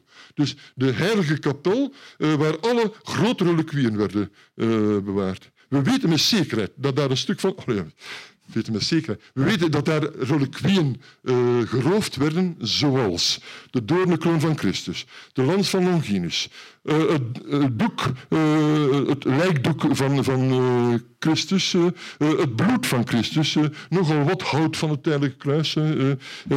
trouwens, 1204 is zowat de grootste roof periode geweest in de christelijke westerse wereld. Hè. Kijk eens, wat er allemaal vanuit Byzantium geroofd is na 1204. Dat is u misschien bekend. Hè. Dus de beroemde paarden van Venetië, dus de bronzen paarden van Venetië, kwamen uit het amfitheater van Byzantium. de groep, de prachtige groep, hè, die, van de vier keizers, de, de tetrarchen, waaronder Diocletianus, uit de vierde eeuw ook vanuit uh, Byzantium naar Venetië gekomen en is nu opgesteld eh, in de hoek van het Dogenpaleis in Amiens. 1206 komt daar plots een hoofd van Johannes de Doper naar voren. Geroofd uit Byzantium. Dat is nog altijd te zien in de kathedraal van Amiens, zoals u misschien weet. Het bloed van Brugge. Het bloed van Brugge wordt altijd gezegd als Diederik van de Elzas die vanuit Jeruzalem heeft meegenomen. Absoluut niet waar. Eh, dat is een legende die men achteraf heeft verzonnen om de roof goed te praten. We weten met zekerheid, Robert de Clady schrijft dat met zoveel woorden. We weten met zekerheid dat het geroofd is in 1204 hier. Uh, en dankzij uh, de Vlaamse connectie, want de, de, keizer van Byzantium wordt dan Boudewijn de IX, de graaf van Vlaanderen. Uh, dankzij de Vlaamse connectie is dat dan in Brugge terechtgekomen.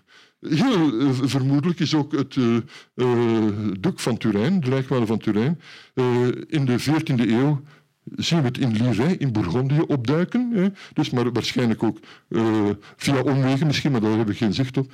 Uh, vanuit Byzantium geroofd. De stukken van het Heilige Kruis, zoals ze nu op dit ogenblik in namen worden bewaard, hè, dus, zijn ook geroofd in Byzantium. Dus bij dat bijzonder dramatische, treurige gebeuren van 1204. Het Westen wordt sindsdien overspoeld met reliquieën echt overspoeld. Dat zijn zeer grote rijkdommen in die tijd natuurlijk. En daar is fors geld mee te verdienen. Stukjes van het hout van het kruis. Hè. Dus uh, ja, kruisen tegelijk, hè, zou je kunnen zeggen, uh, worden naar het westen verscheept. De speerpunten van de lans. En dat is heel merkwaardig. In Parijs uh, wordt er één gebracht, dus bij de Heilige Lodewijk. Maar op dat ogenblik zit er al één in bezit van de Duitse keizer. Dat is die van de Duitse keizer. dus die nog altijd in Wenen te zien is bij de Ofschat.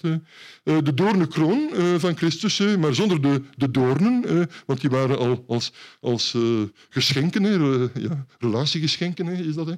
Eh, uitgedeeld. Hè. Maar de doornenkroon zelf eh, komt naar uh, Parijs. En u weet waarschijnlijk dat, of dat, dat, is toch een bekend verhaal, dat de heilige Lodewijk, Lodewijk IX van Frankrijk, hè, dat hij minstens evenveel heeft betaald aan de aankoop van al deze reliquieën als aan de Saint-Chapelle die hij daarvoor gebouwd heeft. De Saint-Chapelle in Parijs werd dus uh, uh, ja, de verzameling, plaats van deze reliquieën, het bloed van Christus, wel van terecht. Hier ziet u trouwens in een miniatuur, als u mij niet zou geloven, uh, zeer dicht bij het gebeuren zelf tot stand gekomen hoe mensen uit Byzantium de doornenkroon, ziet u hier, aan de heilige Lodewijk overhandigen. Maar ze hebben nog meer mee, want dat heeft hem ontzettend veel geld gekost. Drie kruisnagels, hier, ziet u die? En een lans. De lans van Longinus. Maar zoals ik al zei, er bestond er alleen aan het Duitse Hof.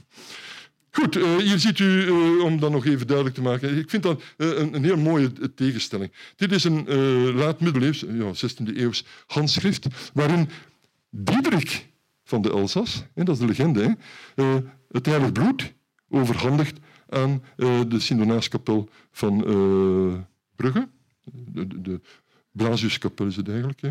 Hier ziet u hoe uh, in de 19e eeuw, dus het begin van de 20e eeuw, uh, datzelfde gebeuren wordt herhaald, waar de vorst, de, de, graaf, in de oude wapenkleuren van Vlaanderen, dat is het oude wapen van Vlaanderen dat hij heeft, hè, dus gewoon vier rechtop staat en de geestelijkheid knielt, is dat helemaal anders in de 20e eeuw, in de 19e eeuw. Daar is het de geestelijkheid die rechtop staat en de graaf die moet knielen. Dus, uh, dat heeft helemaal te maken met uh, dat uh, katholiek offensief in de 19e eeuw, zoals u misschien wil weten. Dus, goed.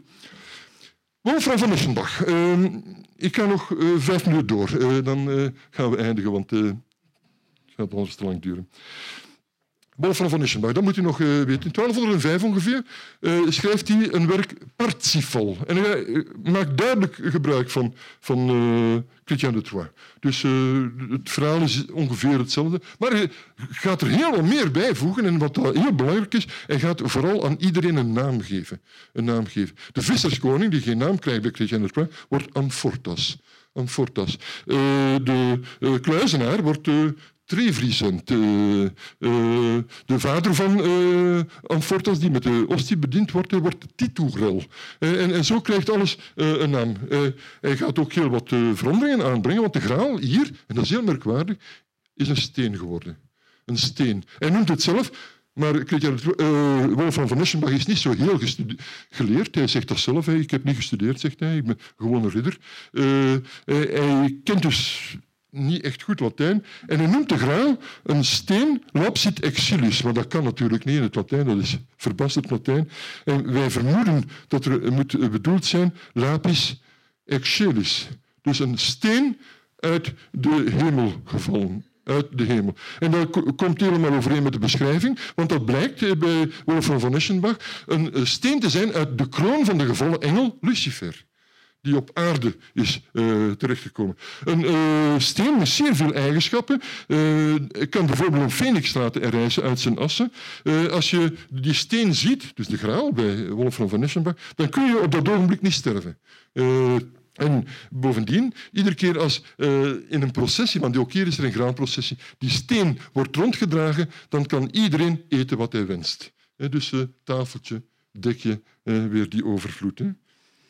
Zo wordt dat op de website voorgesteld. Ik vind dat niet zo kwaad. Hè. om het mysterie bij Wolf van, van Eschenbach weer te geven. Het heeft iets met de passie te maken. Het heeft iets met een beker, bij Wolfram dan weer niet, maar goed, eh, met een geheimzinnig voorbeeld te maken, dat uit de hemel is neergedaald. En dan hier, eh, dat herkent u misschien, dat is in Glastonbury, die eh, mysterieuze toor, de heuvel met daarbovenop een merkwaardige toren. Het is uh, dit werk dat uh, Wagner heeft geïnspireerd. Uh, Wagner die, gaat echter nogal wat wijzigingen doorvoeren. De steen van Wolfgang von Eschenbach, dat vindt hij maar niks. Dat vindt hij maar niks. Hij maakt er terug een beker van. En dat ziet u hier. dat heeft alles te maken met het feit dat Wagner naar Wales is geweest. een reis naar Wales heeft gemaakt en daar de Nantius Cup, waar ik daar straks van sprak, daaruit heeft gedronken. Dus uh, hij, vond dat de graal een beker moest zijn. Dat uh, de lens verschijnt wel. En dat zijn alle twee reliquieën die door zijn vader, Tito werden bewaard. Uh, maar het is een zeer merkwaardig verhaal. Dus er komt een tovenaar bij die zeer negatief werkte Klingzor, Klingzor uh, die uh, eigenlijk de wond uh, bij de visserskoning heeft veroorzaakt, met de lans van Longinus trouwens. En hier zie je op het einde dat Parsifal, dus de held, Anfortas, die hier ligt, zal genezen door het spreken van het woord van medelijden. dus het meevoelen. en op de achtergrond zie je Garnoemans, zijn vroegere leermeester, met de Graalans. Frans van Longinus. Goed, ik heb nog twee minuten. Uh, ik heb u gezegd, Vlaanderen, en Vlaanderen is op dat ogenblik met Enegouwen samengegaan. Uh, Vlaanderen en Enegouwen blijven met een lacune achter. Een onvoltooid verhaal. Het ligt nogal voor de hand dat uh, de graven van Vlaanderen alles hebben gedaan om dat verhaal voltooid te krijgen. En uh, proberen ze ook te doen, alleen zijn de graven op dat ogenblik gravinnen. Uh, Johanna van Constantinopel en Margarethe van Constantinopel, maar vooral Johanna van Constantinopel, de dochter van Boudewijn, die uh, Constantinopel veroverd heeft, die gaan alles in het werk stellen om het werk te voltooien. Dat zijn de zogenaamde continuations. De continuations Perceval of de continuation du Graal. alles bij elkaar Chrétien de had 9200 versen geschreven. Hè? Alles bij elkaar 58.000 versen. 58.000 versen. Uh, dus vier continuations zijn er verschillen. Maar als het dan maar was, dan moet je die 58.000 versen maar lezen. Maar er bestaan versen die heel lang zijn, versen die ingekort zijn, versen die gecontamineerd zijn. Dus dat is een, echt een moeras, uh, wetenschappelijk gezien. Maar zoveel is duidelijk dat in de eerste continuation, dus dat is waarschijnlijk nog voor 1200, dat daar uh, de lans van Longinus uh, opduikt. Dus die bloedende lans uit de graanprocessie, die door Chrétien niet, genoemd wordt, wordt geïdentificeerd als de lans van Longinus. De tweede continuation, daar gaat het nog uh, straffer bij, dat is misschien onder invloed van Robert de Boron, daar wordt de graal beschreven. En de graal wordt nu, en dat is uh, in de toekomst uh, de dominante visie, uh, als beker van het laatste avondmaal, waarin de Eucharistie, de mis, tot stand gekomen is. Dus de Eucharistie ingesteld. En waarin dan Jozef van Arimathea bij de kruisafname het bloed van Christus heeft opgevangen. Dat wordt dus de graal in de continuations. En dan het werk de graalroman bij uitstek, maar een ongelooflijk ingewikkeld werk met een, een diepgang die ik eigenlijk alleen maar een beetje overdreven misschien, met uh, de Divina Commedia van Dante kan vergelijken. Dus zo diep uh, gaat dat um, op verschillende betekenisniveaus, zoals ook dat bij Dante het geval is. Omstreeks 1215 verschijnt er een grote proza-roman bekend als de Lancelot en prose. Alles wat u kent over koning Arthur, uh, het zwaard in de steen, uh, de overspelige uh, verhouding met Lancelot, al, alles, alles, wat ook maar enigszins in films naar voren komt over koning Arthur, zit hierin. Het komt uit de Lancelot en prose. Dat is de opgang van Lancelot als grote ridder van koning Arthur. dat eindigt op een bepaald ogenblik en dan komt er een tweede deel in die proza-trilogie het eigenlijk. En dat tweede deel is de Queste del Saint Graal. De Queste del Saint Graal. Onvoorstelbaar diep en uh, ingewikkeld ook. En, en, dan is er nog een derde deel, dat is Le Mort le Roi Arthur, de dood van koning Arthur. Dus de ondergang van de tafelronde gemeenschap. Wat hij bij de Queste del Saint Graal moet beseffen is dat het vooral... Uh, uh, over theologie gaat. Er komen zeer veel dogmatische kwesties uh, rond de Eucharistie bijvoorbeeld aan bod. En voortdurend zijn er visioenen die naar voren worden gebracht. Hier ziet u zo'n visioen, zo wordt dat voorgesteld. Christus die verschijnt, hier in een visioen, voor een kluizenaar. Kluizenaars zijn zeer veel voorkomende personages in het werk. Hier zit dat in de overlevering, dus de Lancelot en prose met de Quest del. En zo verschijnt dat. Het begint als volgt, aan het hof van koning Arthur. Alle ridders zijn bijeen. De hele tafelronde gemeenschap. Uh, en plots, alle deuren zijn gesloten, uh, een hevig gedruis.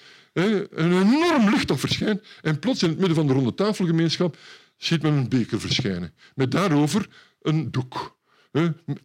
Een geweldige, aangename geur uh, wordt verspreid. En dat is wat u hier ziet. Eigenlijk is het een nieuw Pinkstergebeuren dat wordt voorgesteld. Hier wordt het voor een, andere voorstelling, dus hier. wordt in heel veel handschriften uh, weergegeven. En zo plots als het verschenen is, hoewel alle ramen en deuren toe zijn, we weten niet hoe het komt, eh, verdwijnt het ook weer. Waarop dan als eerste Gauvin recht staat en zegt, op, op uh, vraag van koning Arthur trouwens, laat ons dat voorwerp, die graal, gaan zoeken. Kweste, zoektocht naar de graal. Er is nog meer wat er gebeurt, want de volgende dag uh, wordt er door een witte monnik, die zijn zeer uh, duidelijk aanwezig in het werk, en dat zijn ja, wij zouden nu zeggen trappisten, maar uh, Cisterciënzer-monniken, uh, witte monniken tegenover de Benedictijnen die zwarte monniken zijn. Dus hier ziet u zo'n witte monnik die met de zoon van Lancelot, Galahad, uh, aan de ronde tafel verschijnt. En er is één plaats over waar niemand in kan plaatsnemen, want hij wordt meteen doodgebliksemd. Alleen de uitverkoren ridder kan daarin plaatsnemen en dat zal Galahad blijken te zijn, de zoon van Lancelot. En dan begint de kweeste naar de graal met zeer veel merkwaardige avonturen. Hier ziet u nog eens uh, hoe Galahad wordt voorgesteld aan de uh, tafelronde gemeenschap en u ziet het toch echt wel duidelijk dat hier een Pinkstergebeuren bedoeld is. Dus uh, zeer veel vuur, en vurige toon die als het ware aan alle tafelrondridders worden bedacht. En dat is ook de bedoeling op een, een diep niveau van het werken, dat iedere mens, de ronde tafelgemeenschap staat voor iedere mens, dat iedere mens genade krijgt van de geest, van Christus, dus van God, maar dan niet iedere mens die aanvaardt. Uh, het zullen maar drie mensen, drie ridders zijn, die inderdaad uitgenodigd worden om de graalmysteries van nabij te bekijken. Lancelot bijvoorbeeld, hier ziet, ziet u hem, die is een blik gegund in de Graalgemeenschap, in de Graalburg. Maar omdat hij voortdurend zijn lief, zijn overspelige liefde voor Geneviève, de vrouw van koning Arthur, niet kan vergeten, geraakt er niet verder. Hij behoort niet tot de uh, uitverkoren. Dat zijn de drie uitverkorenen. Perceval, de oude graalridder zou, zou ik zeggen. Uh, Brohort, een neef van hem. En hier uh, de uitverkoren graalridder, de hemelse ridder bij uitstek Galahad. Voortdurend worden ze met mirakels geconfronteerd en met de duivel. Hier ziet u hoe uh, op een bepaald ogenblik uh, een, zerk in een kerkhof moet uh. En dan ver, verschijnt meteen een duivel uit. Hè. Hier ziet u die duivel. Hm? En die is in een abdij van witte monniken, dus Cisterciensers. De Cisterciënzer spiritualiteit zit zeer diep in eh, dit werk ingebakken. Hier, dat is het einde van het werk al, eh, want ik ga eindigen. Uh, hier gaan ze uiteindelijk, de drie uitverkoren ridders, gaan ze naar Jeruzalem en zij dragen de, het altaar van de graal met zich mee. Dat is wat zij hier hebben. Zij dragen dat Jeruzalem binnen en er doet zich meteen een, mirakel voor. En dan moet je denken aan Petrus. Hè. Er ligt daar voor de muren van Jeruzalem een lamme en die staat meteen op. Dus er wordt zeer veel geassocieerd met het evangelie. Trouwens, Galahad, in heel zijn verschijning, is een messiasfiguur, een nieuwe messiasfiguur uh, als uitverkoren ridder. Maar daar gaat het eigenlijk om. Radicaal worden de hoofdse waarden omgedraaid. De graalkwestie is een radicale afwijzing van de ridderlijke idealen. Nagestreefde eer als gewoon ijdele glorie. Hoofdse liefde, dat is gewoon overspel en de doodzonde bij uitstek in de middeleeuwen. Dus een van de zeven. Uh, luxuria, de wellust. Dus overwinning in de strijd, dat is gewoon brutale moord. Uh, schitterende feesten worden vervangen door naar trappistengewoonte, naar cisterciënsergewoonte, ascese en gebed. En voortdurend uh, moet de groepsdynamiek, de gemeenschap, wijken voor de individuele kluizenaar. Snoeven over avonturen, wat de ridders van de ronde tafel zo graag doen, dat kan absoluut niet. En de individuele bicht wordt hier bijzonder centraal geplaatst. Gauvin weigert dat, maar eh, dat zal hem heel slecht eh, bekomen. Dan moet u weten dat het eh, gebod, de verplichting van de individuele jaarlijkse bicht in 1215 in het vierde concilie van Lateranen plechtig werd besloten. En dat is daar duidelijk invloed van. Uh, helemaal in overeenstemming met de tijd uh, van dat ogenblik. Uh, de tijd van begin van de 13e eeuw is afwijzing van de hoofdheid als ideaal, omdat dat veel te werelds is. En dat manifesteert zich in de spiritualiteit door mensen naar voren te schuiven als Franciscus, Franciscus van Assise, 1215 als een zeer beroemde heilige, die uh, de naam heeft gegeven aan zeer veel van onze hospitalen.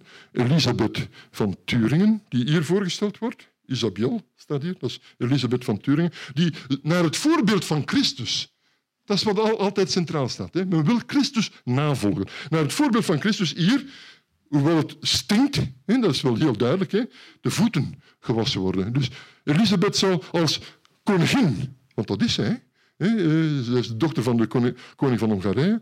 Uh, Elisabeth zal als hoogaardelijke dame uh, zich vernederen, diep vernederen, om de pelgrims, de armoezaaiers op straat te helpen hier in voeten te wassen zoals Christus dat deed. en dan is er nog een laatste werk, maar dat, ik ga dat allemaal... nog maar, ja, ik weet niet of u nog vragen kunt stellen. Dus, een werk dat op de Quest del Saint gebaseerd is in Engeland. En dat heeft ongelooflijk veel invloed gehad, vooral in Engeland. Uh, het is het werk uh, van de Engelse gentleman. Dus uh, het gentleman-ideaal uit de 19e eeuw is op drie grote bijbels gebaseerd. Dat is Rudyard Kipling met zijn Jungle Book. dat is dit werk van Mallory. En dat is uh, de Bijbel van de Gentleman, een werk uh, over goed gedrag van een leerling van Walter Scott, Kenneth Elm Digby. Maar dit werk heeft zeer veel invloed gehad. En dat is wat u dan uh, tegenkomt in de 19e eeuw. Dat zijn de pre-Raphaëlieten. hier ziet u nog zo iemand. De Damsel of the Holy Grail. dus in uh, Frankrijk heeft dat ook uh, allerlei invloed nagelaten. Als u naar Bretagne gaat, en, uh, hebt u daar het, het, woud van Brocéliande. Dat is het, woud, het avonturenwoud van koning Arthur. En in Paimpont, in de buurt van Paimpont, namelijk in Triorontuc, hebt u een kerkje waar de pastoor dus heel die graal heeft uitgebeeld in glasramen. Dat ziet u hier. dus hier ziet u hoe het bloed van Christus vloeit in een beker. En hier dus van de ronde tafel.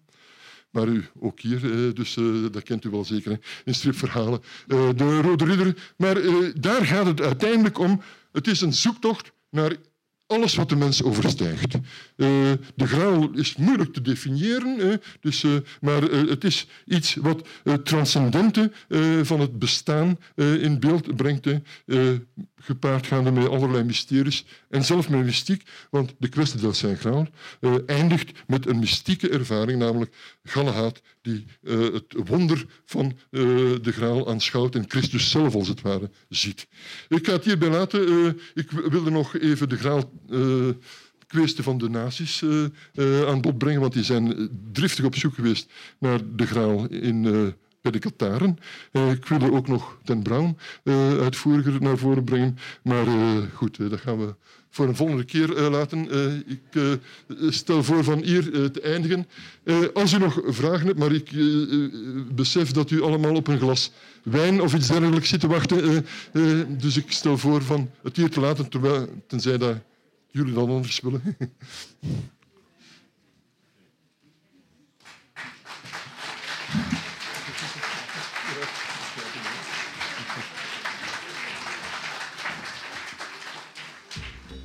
Je luisterde naar een podcast van de Erfgoedbibliotheek Hendrik Conscience. Wil je nog een andere lezing beluisteren? Ga dan naar www.consciencebibliotheek.be-herbeluister.